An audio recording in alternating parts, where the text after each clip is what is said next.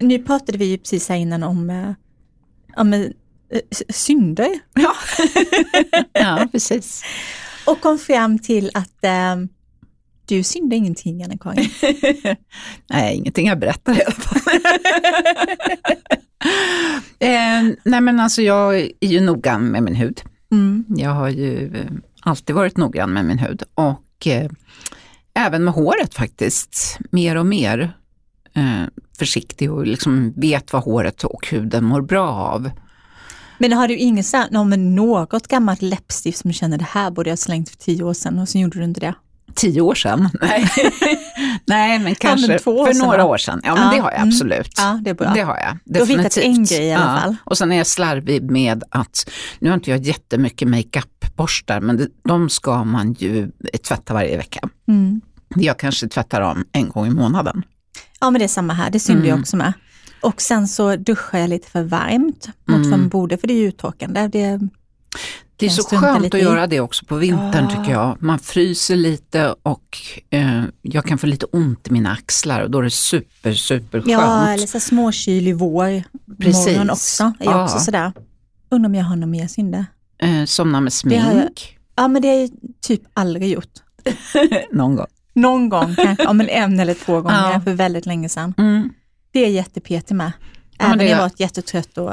Ja men precis, det, det, är verkligen, då har det hänt något alldeles speciellt. Eh, det kan vara några, några gånger i livet. Ja. Det känns ju inte bra att Nej, vakna med de här smulorna av mascaran på och jag kinden lite, på morgonen. Jag kan ha lite svårt att somna om jag har smink på mig också. Då känner jag så här, bara fan att jag inte har, förlåt mm. nu svor jag, men att jag inte har tvättat bort sminket och sen mm. ligger och grubblar på det istället. Men eh, annars är det nog att jag gör inte alltid dubbelrengöring. Oftast, men är jag jättetrött så gör jag inte det. Nej, jag tar nog rengöringsmjölk och ansiktsvatten brukar jag försöka ta ändå mm. varje gång. Men tar du någon ansiktsvatten med funktion eller bara gammalt hederligt ansiktsvatten?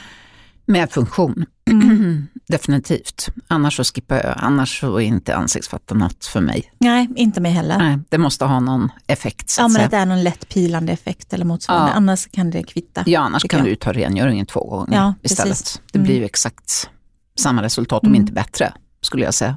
Ja, men det håller jag med om. Men då fick vi i alla fall dra ur det där med läppstiftet. Det ja. något i alla fall. Mm. Och sen kanske, kanske, kanske att jag har mina mascaror lite för länge. Mm. Jag vet ju att man ska byta efter ett par månader. Och ibland så har du din i tre månader och en vecka. Ja, precis. Åh, oh, du är så duktig. Jag är lite mer slarvmaja, men äh, jag, jag är ju väldigt petig med hudvården och äh, makeupen. Ja. Och hårvården och allt det där. Men äh, några små synder. Mm. Det får man ha. Det måste man nog Så ha. måste man inte avslöja alla. ja. Idag ska vi prata ögon. Ja, och äh, det är så ofta som jag får frågor om just ögonen kring ögonmakeup. Mm. Till exempel mm. om hur gör man med sminket och vilken är den bästa mascara när man har rinnande ögon och så mm. vidare. Mm. Och då tänkte vi att ja, men då är det bättre att gå till botten med problemet istället. Precis, och det ska vi göra idag. Ja, precis. Vi behöver inte ha rinnande ögon eller kliande ögon utan äh, ja, vi ska få lära oss mer om det mm. helt enkelt. Tillsammans Kanske inte ens röda ögon? Kanske inte ens det. Nej, Nej. perfekt. Mm. Kanske friska och Helt klarvita, så här som bebisar har. Så fint. Ja, så är lite lätt nästan ljusblå. Mm, liksom. Mm. Mm. Ja, drömmen. Det är fräscht. Det är det verkligen. Men innan dess så är det dags för beautysvepet. Och idag så ska jag prata om att vi borde ta och pyssla om dina fötter lite. Det är egentligen inte någonting man bara behöver göra på våren direkt, men eh, det är nu det kanske känns extra viktigt innan sandalerna sätts på. Så ta och eh, häll upp lite ljummet vatten i eh, badkaret eller en fotbalja eller liknande. Tvätta av dina fötter, pila dem ordentligt och använd gärna en fotfil. Och sen så är det dags att eh, återfukta dem. Och då kan du använda även ett serum på fötterna om du är sådär extremt, extremt torr. Det finns ju fler olika serumband, eh, kroppsvårdsprodukter kroppshårsprodukter till exempel, som du även kan använda på fötterna. Ta sen en fotkräm, Gärna en riktigt rejält fet om du har mer torra fötter. Om du vill så kan du göra det som en mask på fötterna, att du stoppar i fötterna i eh, plastpåse, plastpåsar, sätter runt en eh, klämma eller liknande så det håller sig ganska tätt och på med strumpor. För då får du ett extra effektivt resultat när fukten inte kan gå ut genom påsen utan behöver trängas in i fötterna istället. Lycka till!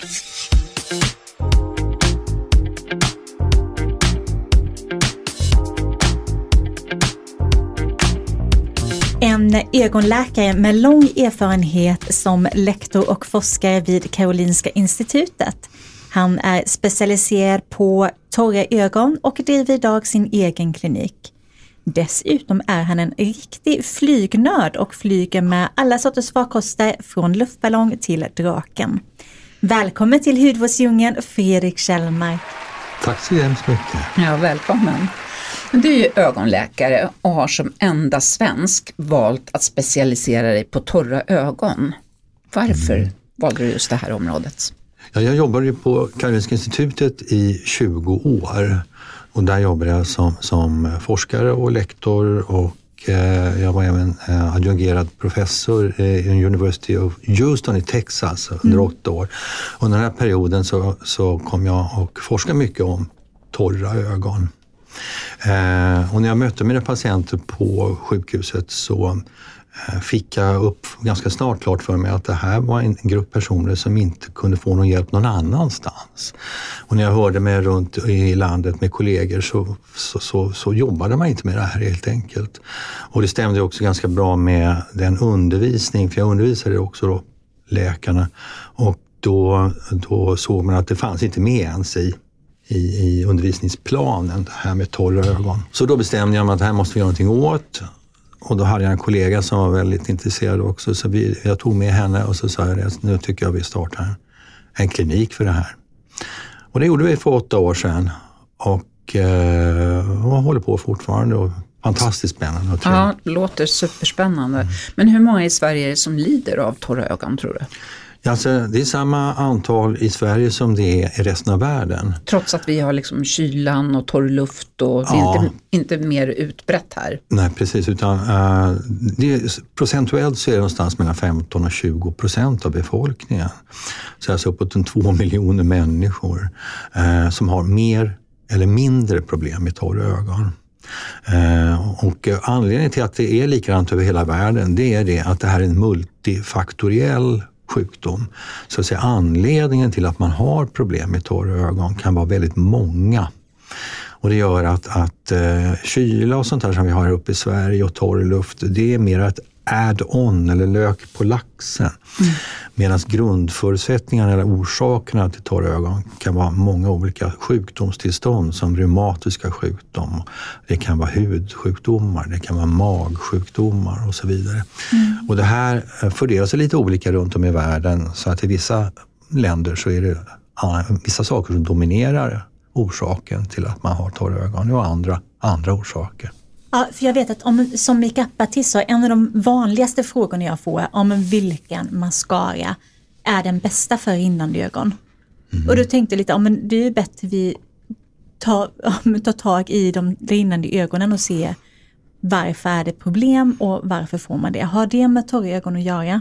Att de är rinnande? Mm. Mm. Det är egentligen så att eh, när ögat eh, får en avdunstning, om vi bara enkelt säger så här att vi har tre lager i ögats yttre eh, som utgör det man kallar för tårarna, enkelt.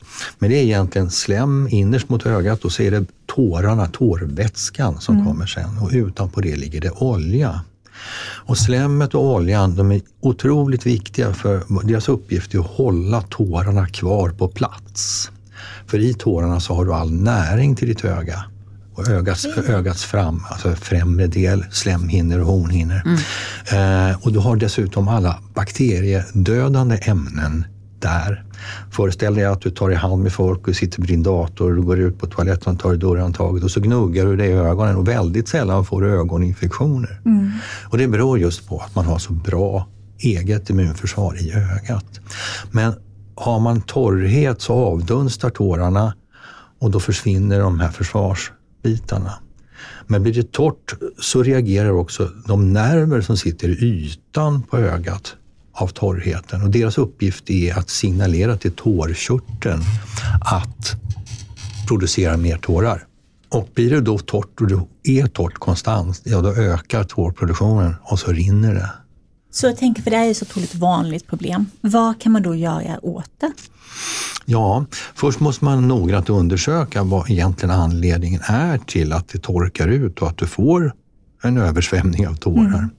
Det jag beskrev nu det är den vanligaste orsaken. Sen finns det anatomiska orsaker. Du kan ha stopp i dina tårkanaler. Eh, du kan ha förändringar i ögonlock så att de blir, till exempel med åldern helt naturligt, slappare i strukturen och börjar hänga lite grann och då rinner inte tårarna som de ska, så rinner de över istället för ner i tårkanalerna. Men det vanligaste är torrhetsreaktion. Och har man sett att det, när torrheten beror på att man har en dålig produktion av tårar eller att man har en dålig produktion av olja till exempel, så måste man alltså börja med att titta på de bitarna. Mm. Och allra helst, ja, förlåt, allra helst vad som orsakar att man har de problemen. Jag tänkte på, det var inte meningen att avbryta dig, men jag tänker, är inte det här väldigt åldersrelaterat, det här med torra och rinnande ögon? Mm. Det där är missförstånd som man mm. jättegärna uh, ser och googlar man på det här så får man väldigt ofta upp just att torra ögon, det beror på att man har för lite tårar och det får man när man är äldre. Och det, det är liksom nästan helt fel. Uh, medelåldern av alla våra patienter är 40 år. Mm. Och dessutom så har vi en stor mängd personer. Jag har, jag har patienter från fyra år och uppåt. Oj. Eh, och när man är ung så beror antingen problemet på att man har underliggande sjukdom redan med sig från barnsben, mm. eller så är det hormoniella problem. Mm. Och just det sista är orsaken till att kvinnor är just dominanta i den här gruppen problempersoner. Just det, som kommer då vid 40-45 års ålder ja, kanske? Ja, och inte för, bara det, utan det börjar också vid puberteten. Aha, Som du vet, puberteten, alla vet man att man kan få finnar, mm. men det är också en, en fel, ett fel i våra talgkörtlar som är en fettkörtel. Och alltså blir det också eh, ofta fel även de oljebärande körtlarna i ögat. Så alltså redan där kan man få det. Och samma sak i samband med graviditet. Mm. Eh, och sen kommer menopausen förstås. Mm. Eh, och sen är det fler kvinnor som har sköldkörtelproblem. Så där mm, finns hela tiden mm. hormonerna med. Alltså. För jag tänker, när jag tänker på rinnande ögon, jag har varit helt förskonad själv, men då är det ju ofta, då tänker jag på liksom hur det var för min gamla mamma sista åren. när man var ute med henne och det blåste, då rann hennes ögon. Liksom. Mm. Och många andra äldre som jag känner också har ju det problemet. Ja, ja, ja det, mm. det, det, är ju det är väldigt vanligt bland äldre ja. också. Ja. Eh, Anna-Karin, påstår du att jag är gammal? Nej, jag tror bara att det är väldigt, väldigt olika. Nej, det, det påstår jag inte, absolut inte. Nej, jag skojar jag är betydligt äldre. Men, men jag tänkte på det här med Ja, vi är ju båda hudterapeuter, både Elin och jag. Jag hade en hudvårdssalong i många, många år och har ju träffat många kvinnor. Och vissa hade ju verkligen sådana problem med rinnande ögon. De kunde inte ha mascara som Elin sa. Mm. Och sen skulle man försöka färga deras fransar. Det var ju också en utmaning för det gick ju inte i stort sett. För de kunde ju inte kontrollera det och färgen låg ju inte kvar. Så det blev ju liksom en ond cirkel. Och vissa av de här kunderna som jag hade, de hade ju så rinnande ögon så de var ju liksom såriga och fick mm. eksem under ögonen. Så det blev ju verkligen en ond, verkligen en ond cirkel för de här personerna. Precis. Och då hade de alltså, hade de gått till dig då hade de kunnat få hjälp. Det hade de kunnat få, alltså. Mm. Och, eh, oftast ganska enkelt. Vi har en rad olika behandlingsmetoder att erbjuda. Kan du berätta lite om, om den vanligaste? Ja, alltså, om vi förutsätter att man har orsakat sina rinnande ögon till exempel utav att man har fel på sina oljebärande körtlar. Då kan det vara så att oljan har blivit för tjock och kommer inte ut av det skälet. Eller så har man fått stopp i de körtelöppningar som ska släppa ut oljan. Eh, och ofta kan det vara en kombination. Och det viktigaste är att när man har fått de här förändringarna i körtlarna, då kan den oljan som finns där, den kan man inte förbättra utan den måste bort. Och sen måste man stimulera kroppen att producera ny olja som kan komma ut. Och då kan en typisk behandling se ut att man har en exfoliering eller en pilering utav ögonlockskanterna för att ta bort bakteriemängder men också ta bort stopp i öppningarna på körtlarna så att det finns en möjlighet för oljan att kunna passera ut. Hur gör, gör man det som, jag tänker vi, eftersom Anna-Karin just nämnde också att vi är hudterapeuter, mm. eh, gör man det som en kemisk peeling på huden eller är det här en mer mekanisk metod när man liksom slipar eller hur går det till? Mm. Det här är en typisk mekanisk metod. Mm. Man använder en så kallad mikrokirurgisk svamp som snurrar väldigt fort och den roterar åt olika håll. liksom eh, putsa på? Ja, ja, så kan man säga. Att du går till tandläkaren och tar bort plack ungefär. Va? Och du slipar bort det. Mm. Så det är lite grann samma sak där. Eh, och det gör man då. Och samtidigt, ofta syns inte det heller när man tittar sig själv i spegeln. Man har ofta alltså ansamlingar av fett och annat som sitter i basen av ögonfransarna. Och det där härbärgerar gärna bakterier mm. och så kan man få infektioner i ögonen dessutom. Är det därför vaglar uppstår eller? Ja, alldeles riktigt. Det kan bero alltså på det. Och, och eh, kanske ändå då så är den vanligaste orsaken till om man får återkommande vaglar, det är att man har kvalster i ögonen. Oj! Ja. Och det tycker jag många är förfärligt. Ja, kvalster har vi överallt, men, men att de är i ögonen finns överallt också. och de här kvalsterna de, de finns överallt, på mattor, i golven, hemma, inne och ute på gatan. Och så kan de komma på oss, men ofta så orsakar de inga problem. Däremot så om man får en dipp i sitt immunförsvar, du kan ha fått en, eh, en influensa, men du kan också ha fått en, en liten ögoninfektion eller någonting annat. Då kan man säga att de här opportunistiska, då får de möjlighet att tillväxa och bli många fler. För då fungerar inte vårt immunförsvar i ögat. Och när de gör det, då sprider de bakterier. Och då finns det två stycken olika typer av kvalster och det ena då det orsakar vaglar som sitter mitt på ögonlocken. kan bli ganska stora och inflammerade. Och sen finns det vaglar som sitter precis i ögonlockskanten. Mm. Och de ena de här de orsakas av kvalster som bor just i ögonfransarnas hårsäckar. Mm. Och de andra orsakas av kvalster som bor i de eh, körtlar som producerar olja. Okay. Mm. Så att, eh, och det är vagel. Jag tänker, vissa, vissa människor får ju aldrig en enda vagel i hela sitt liv eller kanske några enstaka och andra får det liksom hela tiden mm. mer eller mindre. Vad beror det på? Beror det på att de som får vaglar ofta har sämre immunförsvar i ögat då eller? Uh, både ja och nej. Alltså har man det ofta, då, har man, då kan man nästan säkert säga att det handlar om kvalster. Mm, okay. Eh, alla får vi vaglar någon gång i livet. Mm, liksom. Mm, så kan man få en vagel och säga jo jag hade en förra året, då är, då är det en vanlig infektion som har mm. kommit av bakterier som har kommit in. Men är det här din fjärde vagel det här halvåret, eh, då är det antagligen kvalster. Och det kan man inte göra någonting åt själv, eller? Nej, men det finns på marknaden olika servetter och sånt där som kan dämpa inflammationen och mildra, men du får aldrig bort kvalstren själv. Mm. Utan du måste göra en behandling eh, hos oss då för att få bort det. Men det går att få bort bra. Ja. Ja. Intressant. Jag kommer nog komma till dig och göra en, minst en behandling tror jag. Ja. du är välkommen.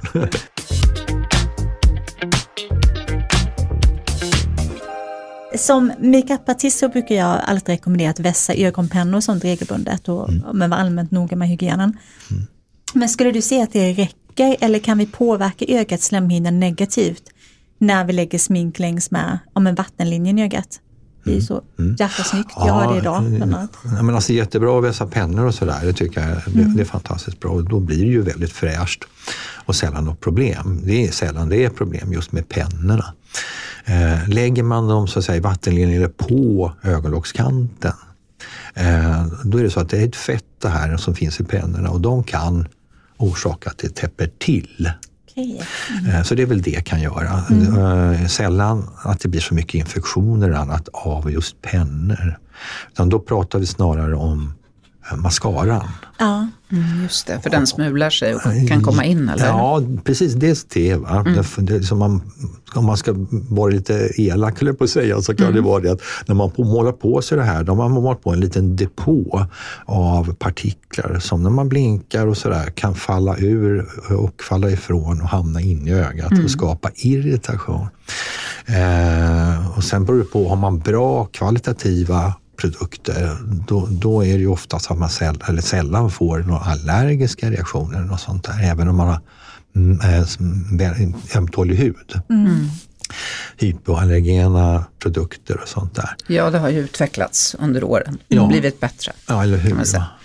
Så, så, men däremot så måste man vara väldigt noga med att om man har fått en liten ögoninfektion, då måste man genast slänga sin mascara och köpa mm, en ny. Då, då liksom gror det där inne. Ja, liten... det, det, är en fin liten inkubator för bakterier. Ja, en liten så, djungel. Ja, så får man av doktorn höra att nu ska du inte använda din smink medan du behandlar din infektion. Och sen så går man och tycker det är jättejobbigt att inte ha fått måla sig. Och så blir man bra och så målar man på bakterierna igen och så åker man på den infektionen en gång till. Ja. Mm, det är så tråkigt. Att, ja, så ja. By, byt mascara. Men eh, jag har en sån här gammal skräckhistoria om en kompis som lånade ut sin mascara. Det var när hon gick på högstadiet, så många år sedan. Eh, men efter idrotten så här, i, i omklädningsrummet och mascaran vandrade väl runt där liksom till de olika tjejerna. Mm. Och några dagar senare så hade hon 16 baglar i ögonen. Mm. 16? 16. Mm. herregud. Ja, Vad hur ens möjligt? jo, men det här är, det här är ganska typiskt. Alltså jag har en ungefärlig likadan historia. Jag har en, en patient som, som uh, har en modeagentur och uh, hon har skickat bland annat uh, sina modeller till mig. Och eh, det här var ungefär samma situation fast vi handlar alltså en catwalken och ja. inför den så ska man då makeas och då har man makeupartister som hjälper till det. Och då går de med mascaran från den ena till mm. den andra till den tredje och målar på. Mm. Och så fick de också infektioner i ögonen. Allihopa? Uh, ja. ja. Så det, så det är, ja, det är fullt med bakterier och så tar det så här in då och så får man infektion. Men hur skulle du säga att ögonen kan påverkas om man använder en för gammal mascara? Man ska ju byta mascara mm. ganska ofta. Mm. Helt riktigt. Nej, men det är samma sak där. Eh, eh, produktens egna innehåll har en tendens, alltså, om man får kalla det för det, att härskna fett mm. och sånt där. Mm. Och är den inte fräsch då, då, då, utvecklar man reaktioner mot innehållet i mascaran, även om det inte är bakterier nödvändigtvis. Alltså. Okay. Så då kan det vara, ja då är det inte bakteriernas fel utan det kan vara ja, men härskna ämnen istället. Ja, precis. Mm. precis. har utvecklats, som det så fint heter, toxiner mm. som då angriper ögonlockskanterna och så blir man röd och Det kan man förstå i och för sig, för jag menar, varje gång man drar ut penseln så kommer ju syret till och ja. syret gör ju att det blir en process. Liksom. Och sen är det många som pumpar i mascaran, vilket man inte ska. Nej. Mm, mm. Då kommer jag till exempel. Luft. Gör du? Ja, där kom vi på en grej som jag gör. På en grej som du gör. Men eh, jag tänker på en annan grej också just med makeup och det är glitter. Mm. Som jag inte helt kan hålla mig ifrån. Men glitter kontra hornhinnan. Ja. Räcker det att använda bra kvalitet och liksom glitter som sitter bra eh, och liksom blunda när vi tvättar bort det eller kan det repa hornhinnan ändå? Hur ska man tänka? Ja, teoretiskt kan det göra det, men jag ska erkänna att jag tror inte det är särskilt vanligt. Mm. För jag ser, inte, jag ser inte så mycket där jag kan härleda att problem med hornhinnan, alltså repor och sånt där, skulle komma från det. Mm. Eh, så det vill jag inte säga. Snarare så kan det i så fall, om det kommer in mycket, orsaka irritation bara mm. generellt. Men, men inte att det blir sår eller så. Nej, ja, nästan aldrig ja, det är ju jätteskönt. Ja, vad skönt att höra. Mm. För glitter är ju däremot, eh, om man tänker på huden, så är det ju inte jättebra för huden med makeup med glitter. Det blir ju ofta irritationer mm. och då kan man ju lätt tro att det skulle vara det för ögonen också. Mm. Men det har vi ändå. Det har vi ändå, absolut. Men vi måste prata lite om det här med rödkantade och röda ögon också. Mm, mm. Det känns ju som att man, men jag har perioder där jag kan ha rödkantade ögon. Mm. Där det känns som att det liksom är utan anledning. Mm. Vad kan det bero på då? Ja, men när du får det, det, det är en reaktion uh, av ögonlockskanterna. De talar om för dig att uh, de är irriterade. Och det kan alltså då bero på ett, uh, lätt inflammation mm. eller två, då irritation av något ämne som har kommit på ögat utav till exempel eh, mascara eller till och med alltså om du har foundation eller puder. Så även om man är försiktig och inte tar det så mycket direkt på ögonen eller ögonlock och så, så har den fantastisk förmåga att leta sig upp i ögonen. Så jag som sitter och tittar på er i mikroskop om dagarna, jag brukar ibland ta bilder, för vi ber våra patienter säga kom till undersökningen utan att ha makeup på dig. Ja. Och så när jag tittar på dem så är det fortfarande massor makeup kvar. Mm. Och då tycker de att man varit noggranna med att ta Mm. bort det här. Eh, Så att det, det, det är sådana saker som, som då och då helt enkelt irriterar dina ögon. Mm. Och då är det extra noga att man, man, man eh, håller rent och fräscht, att man rengör. Ja. Hur är det med, för det har jag hört, att man kan få irritation av eh, nagellack, även liksom när nagellacket är torrt. Om man pillar sig liksom i runt ögonen och sådär. Vad tror du om det? Jag kan bara säga att det också har att göra med att eh, det har med ingredienserna i det. Ja, Ja, för där har du ju massa kemiska ämnen som ska härda till exempel, så att det stelnar och så vidare. Så att det kan jag tänka mig att det kan... det skulle kunna i alla fall. Ja, precis. Det är ju en produkt som man inte alls, förlåt mig, det är en produkt som man inte alls liksom har, när man utvecklar det, man har inte alls tanke på att det här ska komma i närheten av ögonen. Nej, Men det är klart, har man det på sig och gnuggar sig i ögonen eller pillar på något sätt så... Ja. Mm, precis. det kan man ju förstå Ja. faktiskt. Men en helt annan sak, varför blir man eh, rödögd när man är trött? På, kväll, alltså på kvällen eller Mm. varför blir det så? Ja, det är samma, lite grann samma orsak som eh, när man blir röd av till exempel eh, allergi eller blir röd utav infektion. Eh, eh, Vi har en slemhinna den som klär hela ögonvitan och den är beroende av att kunna ha bra syreupptag från luften. Och eh, eh, mot slutet på dagen, ofta eh, efter en lång dag, så, så eh, har man, och framförallt om man suttit vid datorn, så blinkar man väldigt mycket mindre. När vi sitter här och pratar med varandra så blinkar vi ungefär 20 gånger i minuten.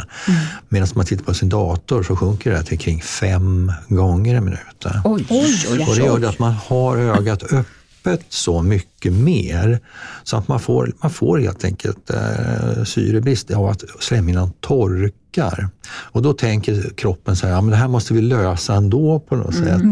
Och då vidgas blodkärlen i ögat för att man ska då få syre via blodet istället. Och därför blir man rödögd. Och det händer också då vid irritationer och infektioner och sådär. Intressant. Ja men verkligen. Men jag tänker också det här när man blir röd i själva ögat och inte liksom bara i med vattenlinjen. Mm. Ehm, kan man påverka det på något sätt? Jag tänker på alla de här dropparna. Mm, mm. Är det bra eller dåligt? Eh, eh, Jag skulle säga att, att de här dropparna man har för mindre röd i ögonen, de är dåliga. Och det finns olika typer att välja på. Eh, och, och, eh, alla bygger, det finns preparat som från början bygger på allergipreparat som då ska vara avsvällande och också då blodkärlssammandragande. Eh, och så finns det preparat som bygger på produkter som är läkemedel för grön starr eller glaukom.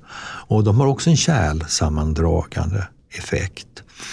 Och, och det fungerar jättebra, man blir jättefräsch och snygg i ögonen. Men på sikt alltså så kan man skapa rätt stora problem som blir väldigt allvarliga för ögonen. Vad kan hända då? då? Eh, Ja, man kan få problem alltså med, med, med för högt tryck i ögat som skadar synnerven och sådana saker.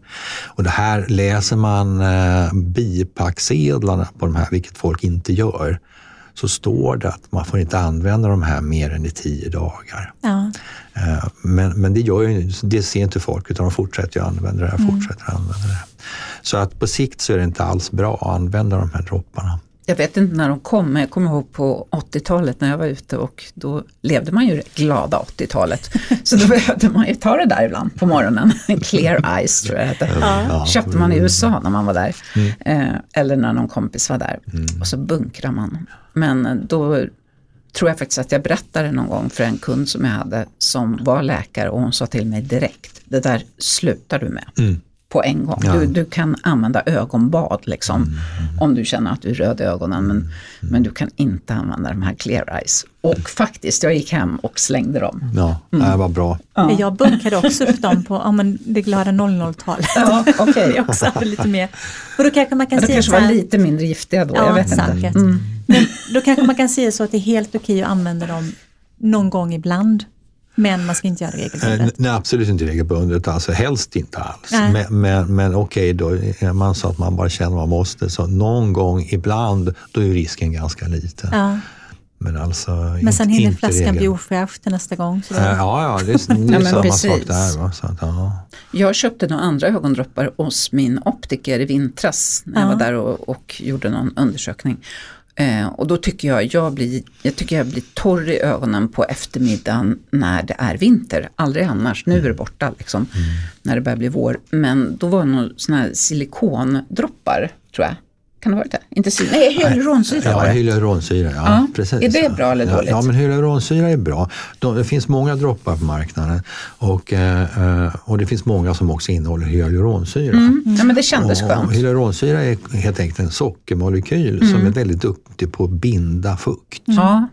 Eh, så därför så är det egentligen en produkt, när den började komma på marknaden, då hade man den och sprutade in den i leder och sånt för Precis. att den skulle vara smidig. Och sen började man använda dem i ögonen eh, när man höll på och gjorde gråstarrsoperationer. Mm. Och sen så har man kommit på då att det här binder ju fukt och det är bra att ha ögondroppar. Mm. Ja, det känns ju bra i alla fall. Så att, eh, och, och, eh, ja, men det är bra, det smörjer bra. Mm. Ögondroppar mm. säger jag, det är ju som en huvudvärkstablett ungefär. Mm. Eh, och känner man sig torr så kan man ta en droppe, men man ska veta att den, den håller ju bara en begränsad mm, tid. Och den kan aldrig så att säga bota, bota mm. någonting. Mm. Men det kan vara bra som en komfortdroppe. Men just när man tycker att det är torr luft inomhus och sådana saker ja, så precis. kan det funka. Ja, ja men det är perfekt. Ja, jag blir så fundersam här för jag har ju typ alltid haft torra ögon så nu, ja, min hjärna börjar gå igång.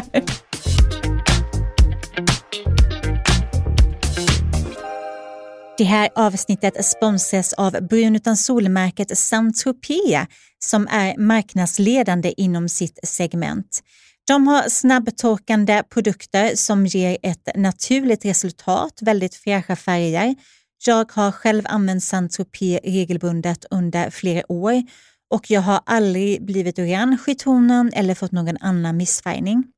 De sitter också väldigt länge och ett av det absolut bästa, de har arbetat fram ett system av dofter som döljer den här typiska brun utan soldoften även under utvecklingstiden. Produkterna är lättapplicerade.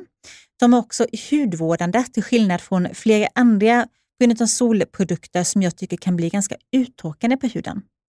Det finns ett stort sortiment. Du kan välja med eller utan guidefärg. Det finns flera olika formulas som mist, spray, lotion, mousse till exempel. Sedan kan du välja från lätt solkysst look till extra dark beroende på hur mycket färg du har från början och hur mycket färg du vill ha. Jag kan ofta blanda lite, att jag har lite mörkare färg på benen än vad jag har på resten av kroppen. Tips för att få färgen att sitta snyggt att exfoliera huden 24 timmar innan, återfukta och sedan är det dags att applicera. Bäst är om du använder en appliceringsvante.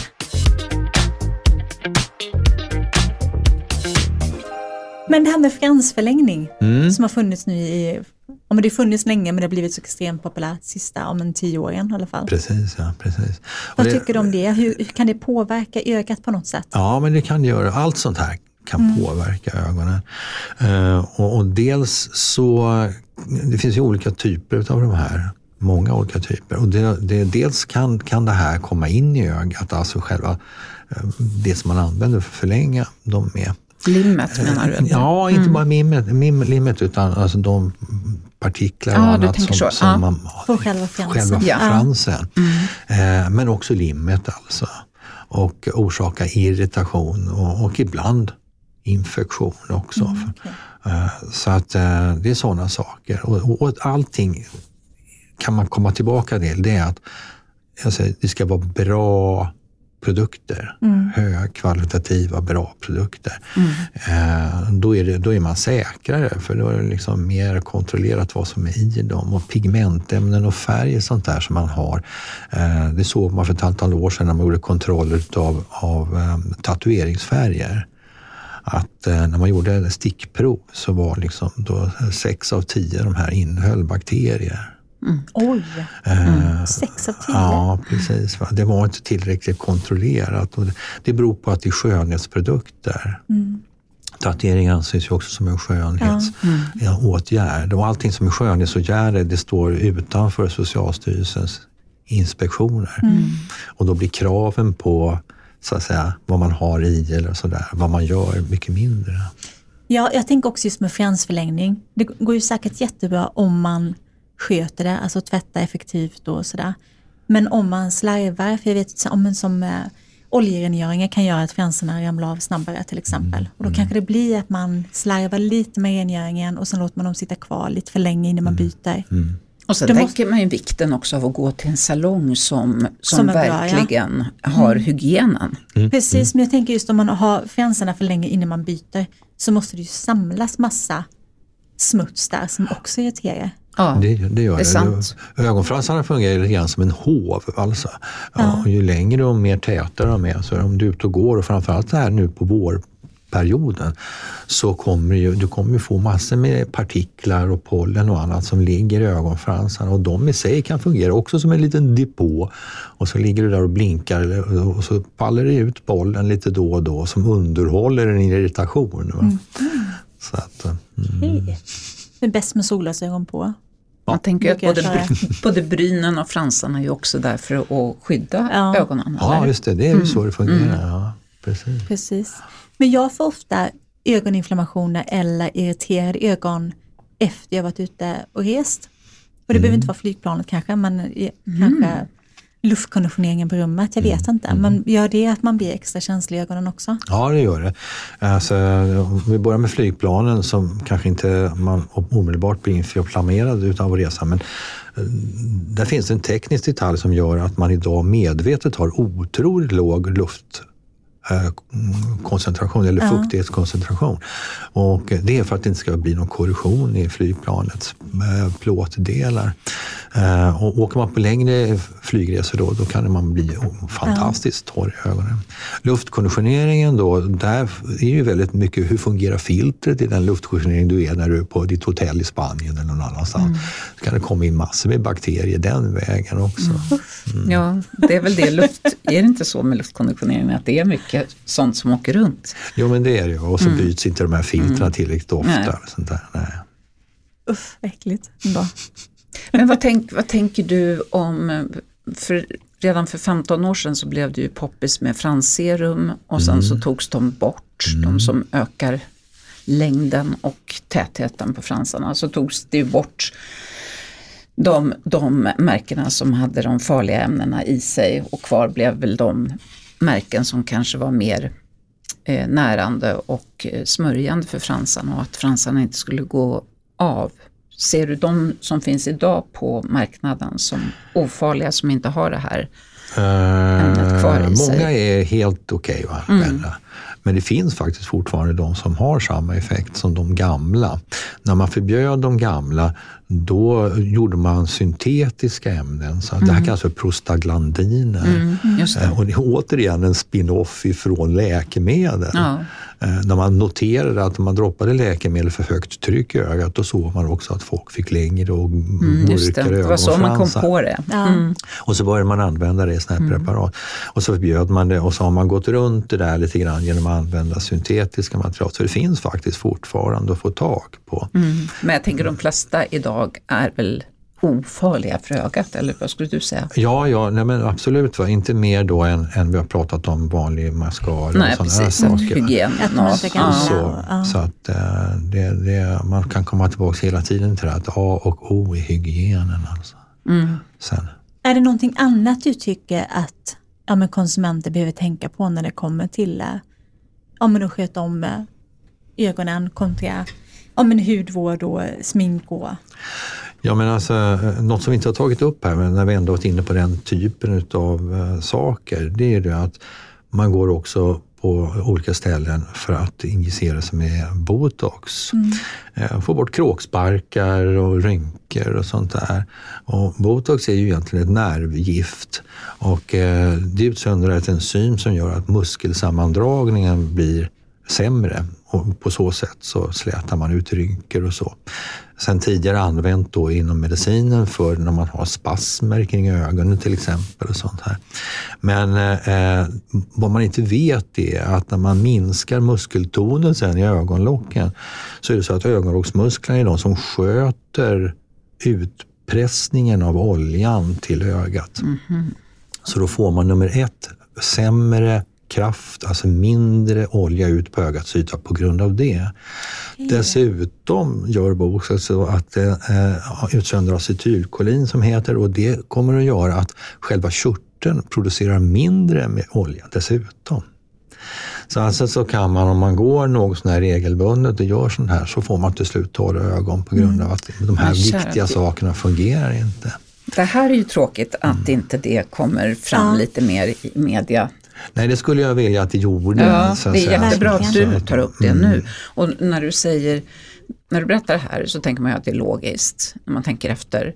Men alltså sätt, tänker du då att det är när, när om man sätter botox för, för kråksparkarna eller att, att tårkanalerna eh, påverkas även om du sätter det i pannan? Mm.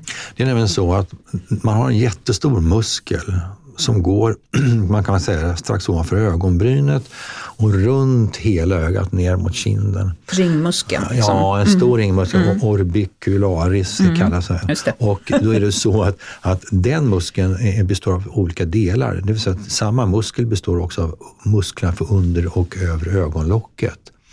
Så därför sprutar man såväl här inne vid tidningssidan för kråksparkar som i pannan så får man också en påverkan av ögonens ögonlock och körtlar ja. där. Väldigt bra information. Väldigt, väldigt bra mm. information. Eftersom det är så otroligt vanligt. Och ja. Det finns ju 30-åriga tjejer som börjar att sätta botox i pannan så då kan man ju förstå vad som händer med mm. tiden där.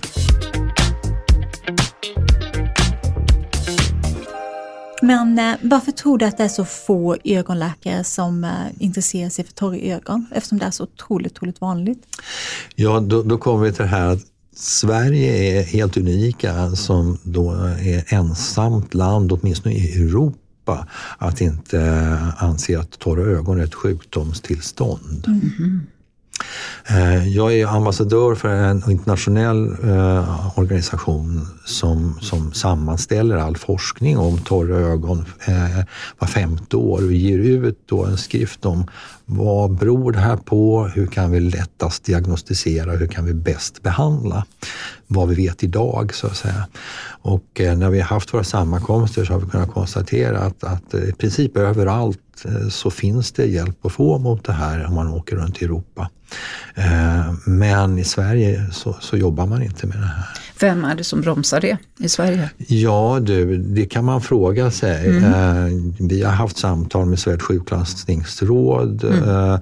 som hänvisar till Socialstyrelsen som i sin tur hänvisar tillbaka. Så att man vill inte riktigt ta i det här. Man vet ju att det finns, men det finns också andra problem och det är det att när man jobbar som, som ögonläkare idag ute såväl på vanliga sjukhus som på kliniker så har man inte, man har inte den tid som behövs.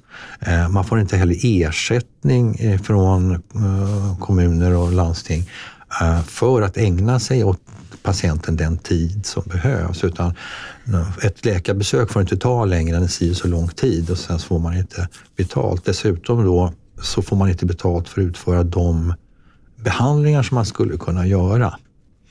Utan då i så fall får patienten betala det här själv. Mm. Och det är ju helt förskräckligt ja, för då blir det ju orättvist. Det blir liksom. orättvist liksom. ja. och det finns några kliniker runt om i landet med ögonläkare som har skaffat lite instrument för att göra behandlingar. Men då då får patienten betala själv mm. helt enkelt. Mm. Och det är likadant med vår klinik, att, att tyvärr så, så uh, måste patienten betala. Mm. Det finns ingen chans att de, om de har så pass mycket besvär av sina ögon att de kan få en remiss till er? Jo, men, men det, det, den berättigar inte till nedsatt kostnad. Nej, okay. Så det, är ett stort problem. Utan istället så en del patienter kan få hjälp via sitt försäkringsbolag däremot.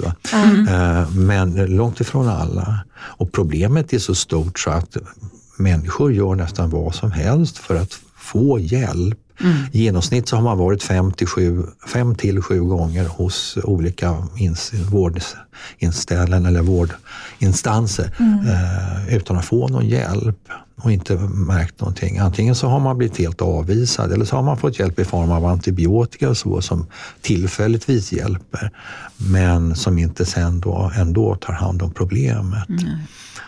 Så att det, folk kan vara, det här 20 procent av de som går hos mig, de är eller har varit heltidssjukskrivna. Men oj, oj, oj. Man, man kan inte arbeta på grund av sina ögon. Eh, man klarar inte av ens att se på TV hemma. Man fungerar inte i sociala då? sammanhang och det här tär enormt på psyket. Mm. Och eh, många mår väldigt dåligt. Alltså. Men är det, är det för att det svider i ögonen på dem eller hur har de som har liksom värst mm, symptom? Mm. Hur upplever de det? Ja, tänk dig att det bränner, det svider, det skaver, man är ständigt röd, mm. man får sår eh, och inflammationer ja. som aldrig vill ge med sig. Det, det, det, är så, det är så, helt chockad att ja. man inte kan få hjälp av, ja. av liksom... Mm. landstinget. Ja. Det så det är, det är väldigt tråkigt. Mm. mm. Verkligen. Hoppas att det blir en förändring. Hoppas det blir en ja, jag hoppas det också. Jag hoppas det också. Jag tror att från läkarhåll så skulle man nog gärna se att man kunde få möjlighet och tid att behandla och hjälpa de här patienterna ja. eh, inom ramen för för eh, vårdgarantin. Och Men så tänker man ju också samhällsekonomiskt, när du berättar att, att vissa av dina patienter är sjukskrivna. Det blir ju inte liksom hållbart, varken för den människan psykiskt eller för samhället. Ja. Nej, det är alldeles riktigt. Och de blir det är ju liksom fel. Ja, det blir. Va? Och när de, får, när de blir sjukskrivna så blir de inte sjukskrivna för att de har ett ögontorrhet. Mm. Utan de, då får man en, en, en eh, psykiatrisk diagnos, mm. att depression eller någonting sånt istället. För det finns nämligen ingen eh, faktor där man kan sjukskriva någon för just det här med torra ögon. Ja, utan att de mår så dåligt över det. Mm och är så begränsade socialt till exempel. Till så exempel. Att de, mm. uff, vad hemskt. Ja, det är verkligen tråkigt. Ja. Tur att det finns hjälp hos er i alla fall. Ja, verkligen. ja, vi försöker så gott det går. Vi, vi, vi har ju begränsade möjligheter och vi, vi har gärna velat kunna få möjlighet att, växa och bli fler kliniker. Vi hade ju en i Malmö också förut mm. men på grund av pandemin så var vi tvungna att lägga den ja. på is så att säga. Eh, vi hoppas vi kan öppna igen. Och det skulle behövas på många fler ställen. Vi har alltså patienter som kommer från hela Norden. Eh, så, och eh, innan pandemin så hade vi även ifrån, både från, från Tjeckien och Italien till exempel. Ja.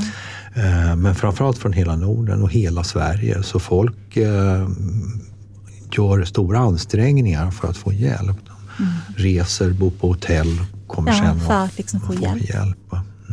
Ja. Och tack snälla, snälla du för att du kom hit idag. Det var superintressant. Ja, vad roligt, verkligen. roligt. Så, så och lite, lite chockerande. Ja, lite chockerande. Ja, och det, det, det, här är någonting som är jätteviktigt och jag tycker jag är hemskt jätteglad att jag blev inbjuden hit. Därför mm. att det, det är så otroligt viktigt att få berätta om. Och ju mer man kan få ordet spridet så att säga. Ja. Det finns mycket mer att berätta om det här egentligen. Eh, men framförallt att det finns hjälp att få. Mm. Det är, ja, det är viktigt det är att nå ut med det. Absolut. För många har fått höra att det här, så här är det bara. Och pratar vi om äldre människor så hör man att ja, det, här, så får du, det här får du acceptera. Mm. Det här är vad du kan räkna med i din ålder. Men så är det ju inte. Nej. Det är väldigt bra information. Mm. Ja men det är det Jag tänker mm. även om man får det med åldern så kan man ju få hjälp då också. Ja, oh, ja. det finns ingen anledning att, att äh, ge upp bara för att man har kommit upp lite i åren. Nej, nej, nej. absolut inte. Nej. Nej. Nej, Härligt, det är en liten, liten ljusglimt. Ja, ja. verkligen. Ja. Tack. Tack. Tack själva.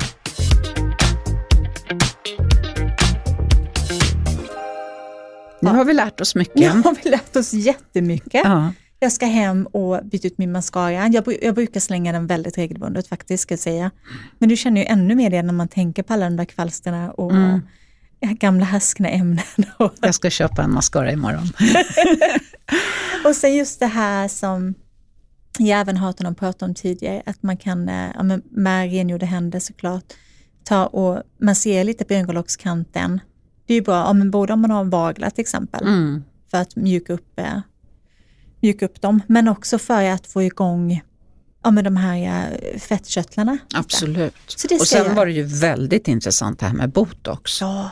Att botox för, alltså, ger torra ögon. Att först får du, tar du ett muskelavslappnande medel i pannan för att bli slät och sen får du gå på behandling hos en klinik för att stimulera muskulaturen i ögonen som har blivit påverkade. Ja. Det, är ju liksom, ja, det var information som jag inte hade en aning om. Nej. Samma Faktiskt. här. Och, och mycket också bra sminka ja, tips. Mycket bra. Och så är jag väldigt glad att jag slängde de där clear icen en gång i tiden när min kund som var läkare sa till mig på skarpen. Ja. Det är jag glad för också. Jag kan tänka mig att du som lyssnar också haft en sån här stund där du har, precis som jag, eh, blinkat typ hela tiden. Jag har suttit här och fladdrat med ögonfransarna. Just det, när man tänker på det så blir det liksom... Mm, ja. ja, visst. Ja, tack för idag Elin. Tack Trevlig idag. helg. Tack detsamma. Hej då. Hej.